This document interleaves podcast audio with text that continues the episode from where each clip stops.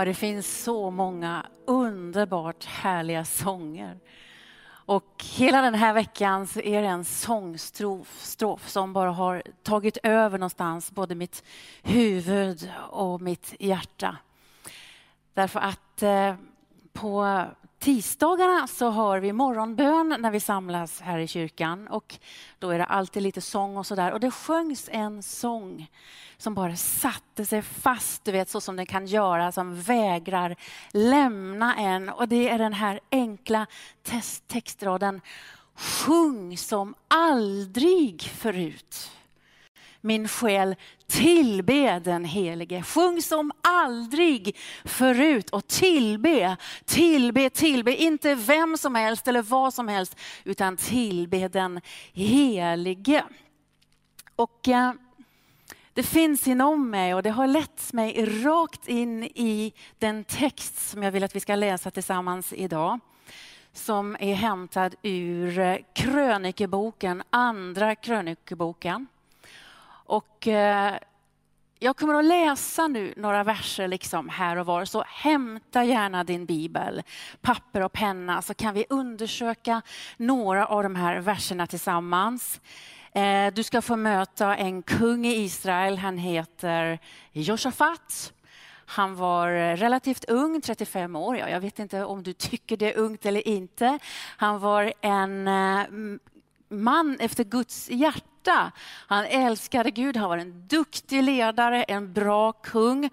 Och egentligen så är det så här att genom hela hans historia så gick det mesta av hans tid till att skydda Israel ifrån yttre fiender. Och när vi går in i kapitel 20 nu då, då så står Syrien i norr och Jordanien i öster, de har satt sina trupper helt kloss på Israels gräns och de är på väg liksom att gå in i landet. Inte så svårt att föreställa sig, för det här har vi sett i modern tid också, eller hur? Och Josafat då, kungen, ledaren, han är rädd. Så han utlyser i hela landet till bön och till fasta. Och när vi går in nu i vers 6 så har han samlat församlingen på tempelplatsen och så ska vi höra honom be till Gud. Andra krönikeboken kapitel 20, vers 6 lyder så här.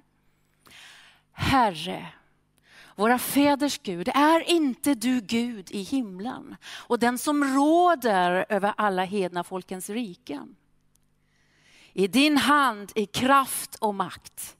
Det finns ingen som kan stå dig emot. Och Herre, jag tackar dig för ditt ord. Jag ber om att du ska öppna ordet för oss så att vi ser lite mer av vem du är och vad du gör. Jag ber i Jesu namn. Amen. Om vi ska försöka då föreställa oss nu den här storyn för så länge sedan. Vad är det som egentligen sker? Jo, då ser vi i horisonten en fiende. Långt bort, väpnad tungt med, med eh, vapen, med vagnar. De är många, många, många fler än oss. Och de är liksom på väg mot oss och dig. I bästa fall idag så blir du en krigsfånge. Men i sämsta fall så är det den sista dagen i ditt liv. Och vad gör du då? Vad gör Josafat då? 35 år gammal eller 35 år ung. Han ser i horisonten Josafat. Sen flyttar han blicken. Inte bort, utan han lyfter blicken upp. För han känner sig avmäktig inför det som närmar sig honom. Så han vänder sig till han som är allsmäktig. Och alla förstår att han borde fokusera på fienden. Han borde liksom förbereda sig för strid och visa handlingskraft. Men han väljer något annat. Han väljer att fokusera på Gud, på vem Gud är och han byter fokus. Så får han med sig hela församlingen på det här. Va? Han får hela församlingen att lyfta blicken till han som är över deras problem. För det är så att Gud, Fader, han är alltid över det vi befinner oss under. Och vi kan ju inte alltid liksom bestämma själva exakt vad det är vi ska se. Men vi kan alltid bestämma och styra vad vi fokuserar på. Och jag älskar det här när församlingen samlas. Allra bäst är när vi samlas i det här rummet, i kyrkan. När vi samlas i hemgrupper, eller som vi gör just nu då, framför en skärm. Helst och gärna med en öppen bibel. Då gör vi ju det för att påminna varandra om vem Gud är och vad Gud gör. Och nu sjöng teamet en sång på engelska, Our God. Men det är Vår Gud är mäktig, sjöng de. Vår Gud är större. Gud, du är högre än någon annan. Vår Gud han helar. Alltid regerar vår Gud. Och jag vet inte vad som kommer emot dig, vad som hotar dig, vilka strider du kämpar och vad du är rädd för. Jag vet inte vad du fokuserar på eller med vilken blick du läser ditt liv.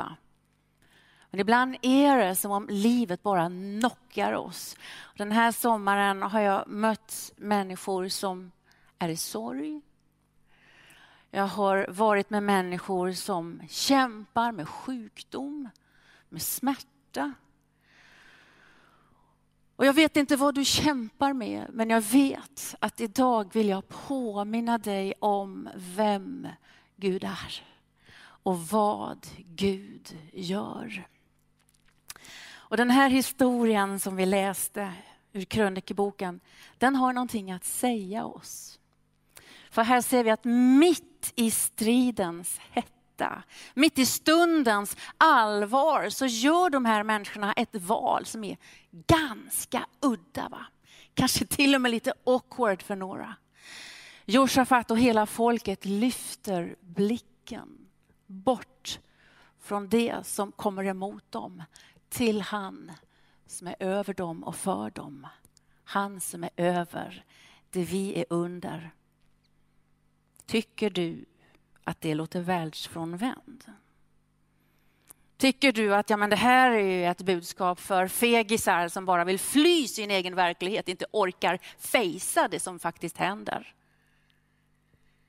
Jag tror inte att det handlar om att fly.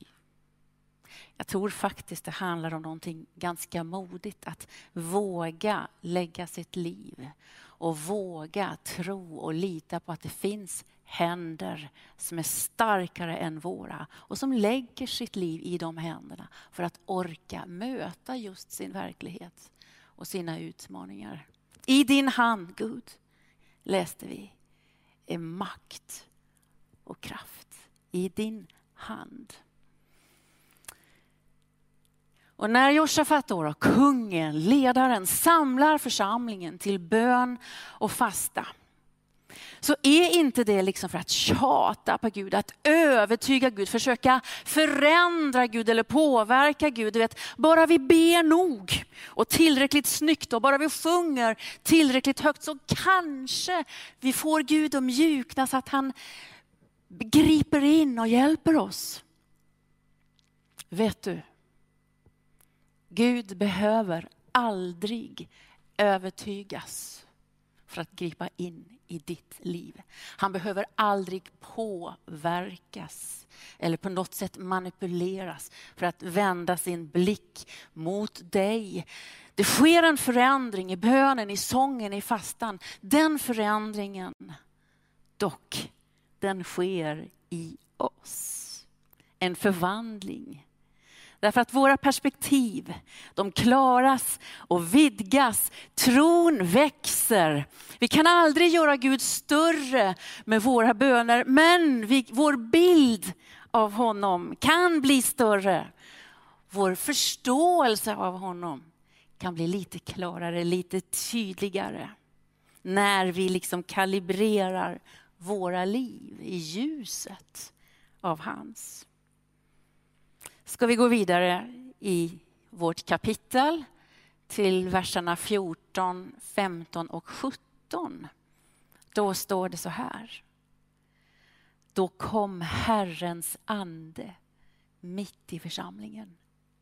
Han sade, lyssna alla ni judar, ni Jerusalems invånare och kung Josafat.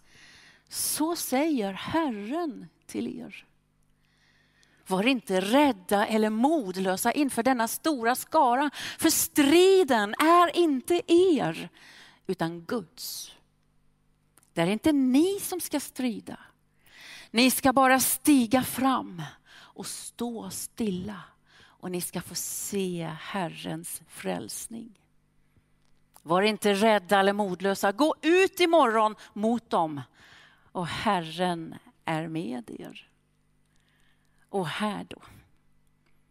Just här får vi gudomlig rådgivning inför livets strider. För striderna de kommer, det vet vi. Vi kommer inte undan dem. Här får också vi som kyrka en nyckel nyckel att manövrera i svåra tider. För det anden säger till församlingen då och det anden säger till församlingen nu. Det är vart du än befinner dig, så tappa inte modet. Var inte rädd utan slappna av lite. va? Därför att ni ska inte lösa allt själva. Det här är inte din strid, det är Guds strid.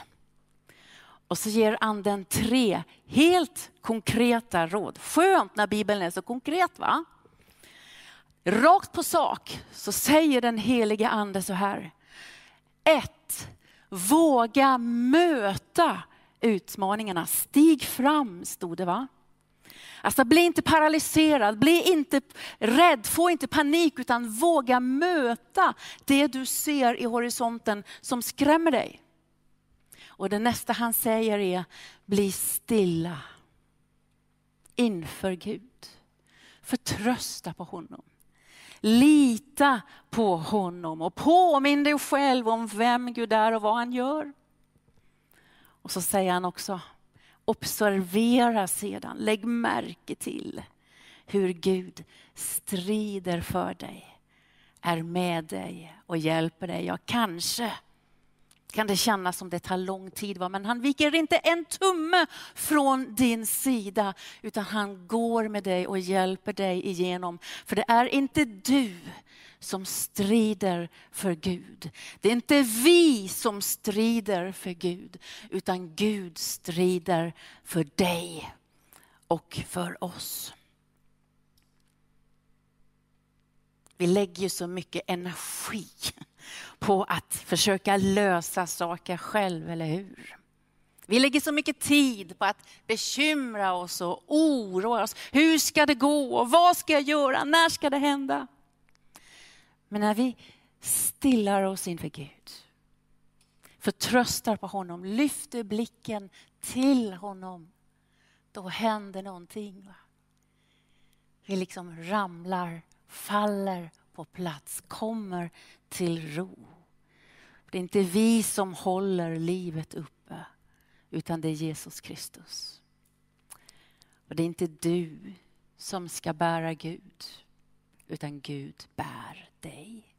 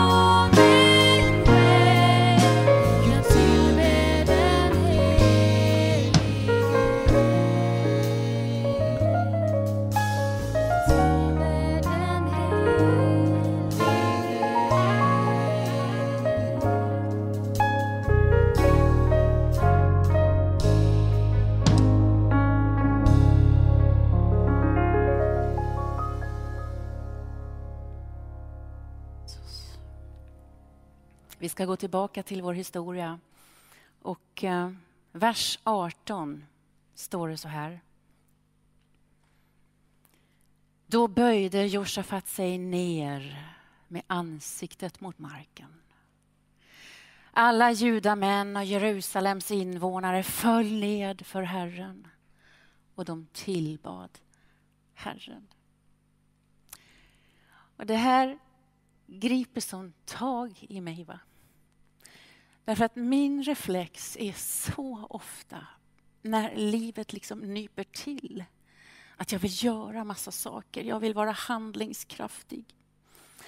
Och i stridens hetta här och stundens allvar så är det de gör nästan provocerande långsamt. Va? Det är lite provocerande tillbakalutad. De stannar upp. De böjer sina knän. Och här är det män, kvinnor, barn, gamla, unga. Alla är med på detta. Det kommer du finna om du läser hela kapitlet. Och de tigger inte Gud om hjälp utan de tillber honom, den helige. För att Gud alltid är större. Du är Abrahams, Isaks och Jakobs Gud, säger de. Du är den som bor i himlen, du är den som råder över folken. I dig är makt och kraft, i dig är liv och frälsning, styrka. Och den här tron, den här tilliten genomsyrar hela texten och alla generationerna är med på detta. Och jag ber, när jag läser detta, Gud rör vid mina ögon. Så jag ser dig lite klarare. Tror dig om lite mera. Rör vid mitt hjärta, Herre. Så jag kan känna dig bättre. Följa dig tätare och älska dig djupare. Sjung för som aldrig förut och tillbe den helige. Du vet hur det är när du kommer till gudstjänst. Eller hur? Många av er har varit på många gudstjänster och i många år också. Och när vi kommer till gudstjänst så vet vi rätt väl hur det går till, därför vi sjunger några sånger.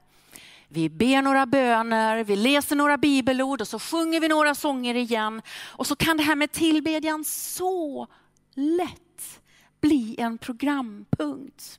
Och när jag står här då i en tom kyrksal, den är så förödande tom utan er ska du veta. Så tänker jag, hur hur kunde vi bara ta det för givet? Hur kunde vi ta det för givet att kyrkan alltid är öppen för oss på söndagar? Att vi får samlas till gudstjänst och att vi är fria att tillbe tillsammans, lovsjunga tillsammans, visa vad vi tror, vad vi tänker, vad vi känner. Det är ju bara nåd. Därför att tillbedjan är inte någonting som vi bara gör i en gudstjänst för att det står i programmet, utan tillbedjan är någonting vi ger. Tillbedjan är en gåva. Och Gud hälsar dig och mig alltid välkommen in och bjuder oss in i sin närhet. Va? Och här är det viktigt att vi vet vem som inbjuder vem. Därför att om jag inbjuder dig till mitt kalas, då har du antagligen med dig en gåva till mig, eller hur? Men om du inbjuder mig till ditt kalas, ja men då kommer ju jag med en gåva till dig. Och gudstjänsten är alltid en inbjudan från Gud till Gud. Och vi kommer med vår gåva som är till honom. Och sången och musiken i sammanhanget är inte huvudgåvan. Den är ett verktyg, den är underbar. Men huvudgåvan, det är du. Du är huvudgåvan, din blick, ditt fokus, din inställning och ditt hjärta. Det står i Bibeln så här att Gud älskar frukten av läppar som prisar hans namn. Så kommer anden nära leder sången, leder bönerna, lyser på Jesus för oss. Och under tiden vi ser klarare i vår tillbedjan och i vårt möte tillsammans i gudstjänsten så upptäcker vi djupet, bråddjupet i tillbedjan. Nämligen att tillbedjan är inte bara en gåva till mottagaren utan tillbedjan är också en gåva till givaren. Därför under tiden vi tillber växer vår tro, vårt hopp, vår kärlek och vi blir hela och helade. Ska vi gå tillbaka till vår historia då? Och då går vi till vers 21 och 22. Där står det så här. Sedan han rådgjort sig med folket ställde han upp sångare som skulle prisa Herren i helig skrud medan de drog ut framför den beväpnade Herren. Och de skulle sjunga Tacka Herren, för evig är hans nåd. Och när de började sjunga och lova lät Herren ett angrepp komma bakifrån på folket från Ammon och Moab och Seirs bergsbygd. De som hade kommit mot Juda och de blev slagna. Alltså som ansvarig då för Smyrnakyrkans sång och musikliv så ska jag bara säga att det här måste jag läsa igen och igen. Jag måste läsa det flera gånger, för läste jag rätt här? Det verkar ju som om de omgrupperar sig. Va? Varför gör de det? Josafat han är ju ÖB, överbefälhavare och han har en strategi som är märklig. Han pekar ut sångarna och musikerna och så ställer han dem längst fram i fronten, alltså i frontlinjen, i skottlinjen. Om jag vore ÖB då, Gud förbjude säger jag bara, ja men då skulle jag i alla fall gjort annorlunda. Därför att lovsångsteamen, kören, orkestern, ja jag skulle faktiskt, ursäkta att jag säger detta, men jag skulle satt er längst bak. Därför att det är konstnärssjälar som är ofta sårbara, ofta känsliga. Inte de som springer ner gymmet utan ofta så tar de ju bilen till replokalen om du fattar vad jag menar. Va? Mm. Kanske inte alla, men jag vet några utan att jag ska säga vad de heter. Men jag skulle i alla fall ta de tuffaste typerna, du vet. Så mycket tatueringar och kättingar som möjligt och de som är tränade i vapen och har erfarenhet och strid. De skulle jag sätta i fronten, men icke här. va. Josafat satte sångarna och musikerna i frontlinjen, hörde ni det? Beväpna dem med instrument, det betyder att du Filip, du har fått en gitarr. Mm. Den är din i striden, Oliver.